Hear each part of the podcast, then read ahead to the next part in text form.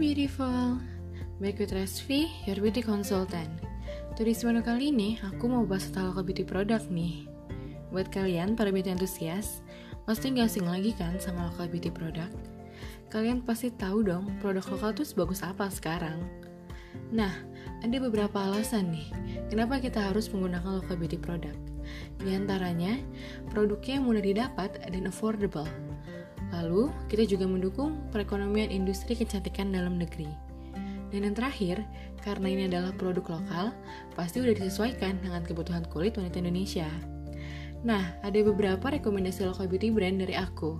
Di antaranya ada BLP Beauty, Made for Makeup, Avo Skin, dan Skin Game. Brand tersebut personally rekomendasi dari aku loh. Gimana?